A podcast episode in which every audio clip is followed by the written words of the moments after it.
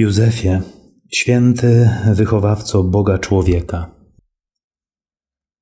Tutaj docieramy do wyjątkowej tajemnicy, która stała się raz, jeden, ale która nieustannie się powtarza w naszym życiu. Bo jak mówiliśmy to wcześniej, że my jesteśmy świątynią Boga, że Duch Boży mieszka w nas, Bóg stał się jednym z nas. Więc tak trzeba wychowywać drugiego człowieka, jakby się wychowywało w naszym domu Boga człowieka, Boga samego. Nie jest to łatwe, ale tylko tak, żyjąc, możemy uwrażliwiać się na naszą wartość, na naszą godność, żeby w drugim człowieku widzieć obraz żywego Boga. Wtedy nie będzie problemu, czy każde życie ma prawo się pojawić, czy szanujemy życie od poczęcia aż do naturalnej śmierci, bo każde życie będzie święte, będzie świątynią Boga. W każdym człowieku y, Bóg zamieszkał i z każdym człowiekiem Bóg się zjednoczył. A sprawił tak w historii zbawienia, że człowiek wychował Boga. Bóg przychodzi do nas jako mała dziecina w naszych dzieciach i jako bezbronny. Wiemy, że dziecko, jakbyśmy się nim nie zaopiekowali po porodzie, y, jest zdane na pewną śmierć. Jesteśmy jednymi chyba z najbardziej nieporadnych istot na Ziemi. Potrzebujemy prawie roku, żeby zacząć chodzić.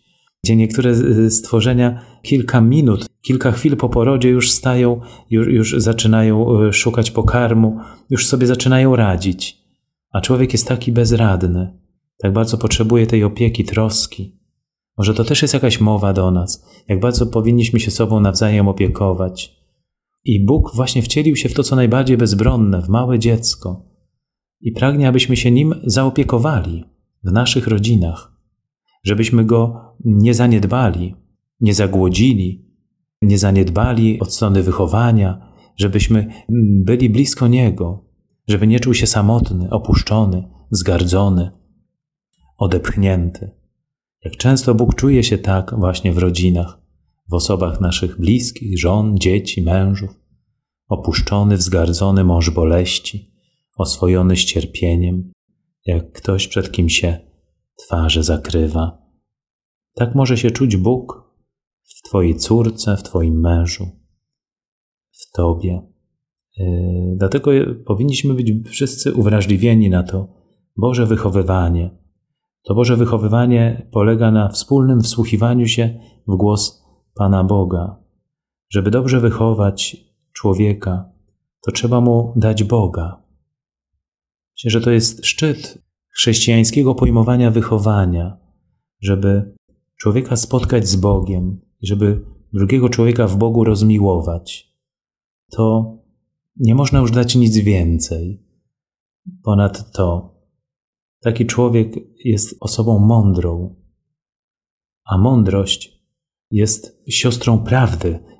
One zawsze idą razem i one jakby kreślą tą mapę życia, aby nie pobłądzić. Są jakby tą busolą, tym pięknym drogowskazem.